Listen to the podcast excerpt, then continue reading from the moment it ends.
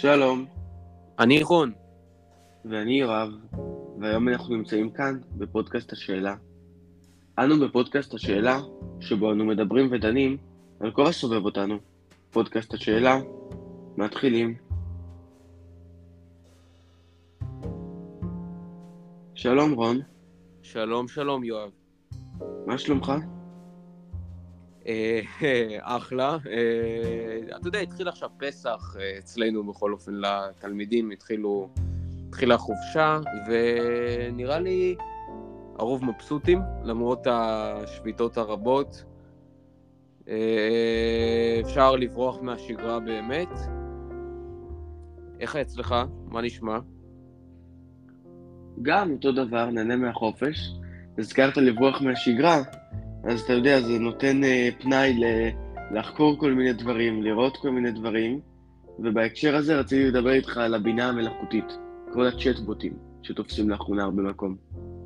כן, אתה יודע, זה נושא, האמת, אני אגיד לך, באמת מרתק, זה גם נושא, אתה יודע, זה נושא, לא, לדעתי הוא לא, הוא לא חדש, אבל הוא תפס הרבה הרבה תאוצה בזמן האח, האחרון, בעיקר בגלל היציאה של כל מיני צ'טבוטים שמתחילים להיות מפורסמים, האחד והיחיד והמפורסם ביותר, כמובן צ'אט GPT, שמוציאים לו אה, גרסאות חדשות, ממש לא מזמן הוציאו את ה-GPT 4, נכון לרגע ההקלטה, הוציאו אותו ב-14 למרץ, יכולות משופרות וזיהוי תמונות, ויש גם אה, כמובן, אה, בלי, בלי לשכוח, כן, יש לנו גם כמובן את הבינה המלאכותית של מייקרוסופט בינג, שמוטבעת בתוך ה-Edge במחשבים אה, של Windows, ויש לנו גם את הבינה המלאכותית של גוגל, שהיא אה, מפתחת וסוג של מנסה לתת פייט לזה של מייקרוסופט, אומרים שלגוגל זה קצת פחות הולך. בכל אופן, כרגע העניין הזה של הבינה המלאכותית מתקדם, ואיתו גם הרבה הרבה שאלות על היתרונות, וכמובן החסרונות וההשלכות באופן כללי של. כל הדבר הזה שבמקרה, במקרה עכשיו פשוט צף לציבור, כי אתה יודע, היה לנו את ה-GPT 3, אבל הוא לא היה חשוף בעבר לכלל הציבור, ממש לפני שנה למשל, והיה לנו גם את הלמדה של גוגל שלא היה חשוף. ועכשיו זה תופס תאוצה. איך אתה רואה את זה, יואב? אה, תראה, זה בהחלט אה, תופס הרבה מאוד תאוצה. אני רק הייתי מציע כן להתמקד בזה, שכשאומרים בינה מלאכותית, זה שם שהוא יכול להיות טיפה מטעה. כי בינה מלאכותית בהגדרה הזאתי כבר מדוברת הרבה מאוד שנים. אפילו סירי, הידועה מאוד באייפון, זה היה פעם הבינה המלאכותית.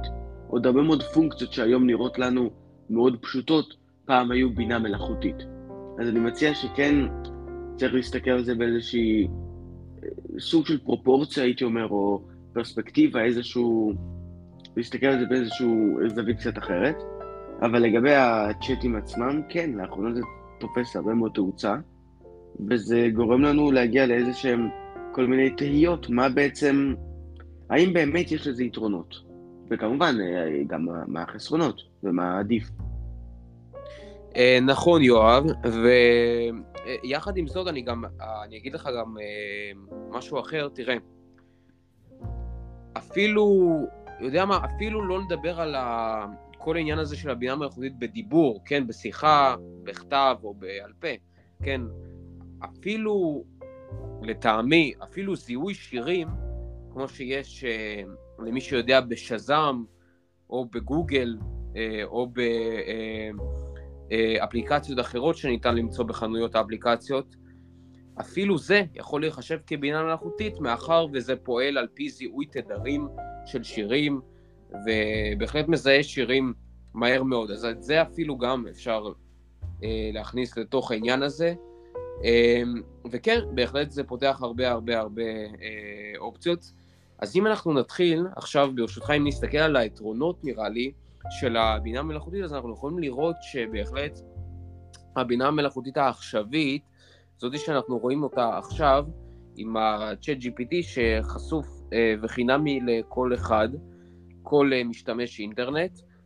אה, באמת אנחנו רואים אה, ששיא אה, ממש שיא של שימושים ב-chat GPT הזה. לפי מה ששמעתי, מספר של משתמשים שטיק טוק הצליחה להשיג תוך חצי שנה, צ'אט GPT השיג תוך פחות מחודש, ובהחלט מספרים מאוד מרשימים, כי אנשים באמת משתמשים, וזה באמת אחד היתרונות. הנגישות והנוחות, העניין הזה שמאפשר גישה למידע שמישהו מתמצת לך. יואב, תראה, אני שמעתי לא מזמן על דוגמה שנתנו, למשל, אם אתה רוצה לבחור חופשה, אז אתה, אה, מה, מה היית עושה בשביל לבחור חופשה נוחה למשל? הייתי מחפש באינטרנט אה, כל מיני יעדים, ואז חוקר עליהם. זהו. ובודק מחירים. נכון, ו- ועכשיו, אה, בגלל, בגלל שיש, יותר נכון בזכות שיש את הבינה המלאכותית, אז במקום שאתה תחפש כל יום יעדים מעניינים ואטרקציות ומחירים ותתעסק עם זה ימים שלמים, אתה עכשיו יכול לכתוב לצ'אט GPT לפי התנאים וההוראות שלך, לבקש ממנו למצוא, פשוט למצוא יעדים, למצוא אטרקציות וגם להשוות מחירים. עכשיו, אולי לגבי השוואת מחירים זה עוד יכול להיות סקפטי, אבל לגבי אטרקציות, למשל, זה חד משמעית מאוד מאוד אה, מתפתח אצלו. אנחנו רואים אנשים שבאמת מתכננים חופשות עם צ'אט GPT.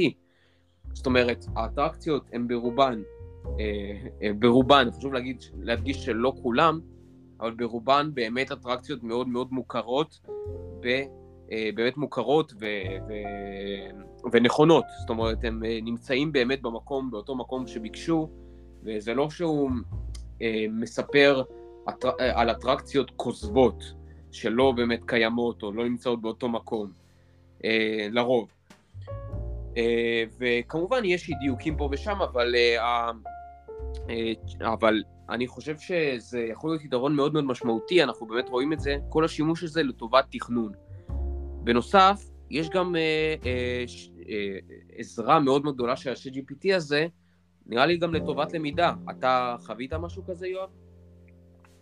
כן, אני בהחלט חוויתי, אני השתמשתי. אנחנו כתלמידים יכולים להביא את הזווית שלנו. לי למשל, הצ'אט הזה, אפילו באיזושהי גישה ממקום קצת אחר, אני השתמשתי בו, דרך אגב, בעברית, שזה גם אה, עובד בסדר. זה עוזר מאוד, אני יכול לבקש ממנו לעשות אה, כל מיני עבודות, אה, לעזור בהן, הוא יכול לכתוב הרבה מאוד, למשל, לכל מיני, הוא יכול לכתוב טיעונים, הוא יכול לכתוב אפילו, לדוגמה, נאומים, הוא להביא רעי, רעיונות, הוא יכול להביא הרבה מאוד תוכן, שיכול מאוד מאוד לעזור. נכון, נכון, זה בהחלט עכשיו גם משהו חדש שמתפתח עכשיו גם אותו תרגום לעברית, כמו שאמרת. ו... כן, אכן, אה, בהחלט זה, זה התקדמות מאוד מאוד גדולה וגם די משמעותית שקורית. ולי באופן אישי הוא גם עזר, אמנם ב, לא בתחום הזה, אבל בתחומים אחרים גם עזר, ובעיקרון אפשר להגיד שהתרומה שלו לחינוך היא גדולה, ובעצם כאן יש באמת את הנקודה, נראה לי, את, את אחת הנקודות הבאמת הסקפטיות ביותר, אם אנחנו כבר מדברים אפרופו על עניין החינוך, נראה לי שזה מזכיר לנו חיסרון מאוד מאוד גדול שיש, שיש לזה, ואגב, חיסרון שמתייחסים אליו בתשומת לב גם הרשויות האמריקאיות למשל, וגם בישראל בוחנים מה לעשות עם זה, כל העניין של התשובות. הרי צ'אט GPT מסוגל לפתור ולעזור לתלמידים בצורה פנומנלית במגוון נושאים ומשימות. ואפשר להגיד זה כמו תשובון כזה. אה, לכן בעצם אותו צ'אט uh, uh, GPT יכול לגלות תשובות לתלמידים, וזה בעצם גורם לאנשים, אנשי חינוך, לאנשי מדינה, פשוט uh, להרים גבה ולבדוק האם אפשר לעשות עליו הגבלות כלשהן לתלמידים או לכולם. וזה באמת אחד החסרונות. וכמובן, יואב, יש גם את החיסרון אה, של, אה, של ה, אה, לדעתי גם של ה, באמת את ההתקדמות המהירה שלו. מה אתה חושב על זה? אני חושב שזה נכון, אני אענה קודם לגבי החיסרון שהזכרת עם התלמידים. זה נכון שזה יכול אה, להיות בעיה, אבל בגדול לגבי השאלה מה עושים עם זה, התשובה הקצרה, אם אתה שואל אותי, אין הרבה.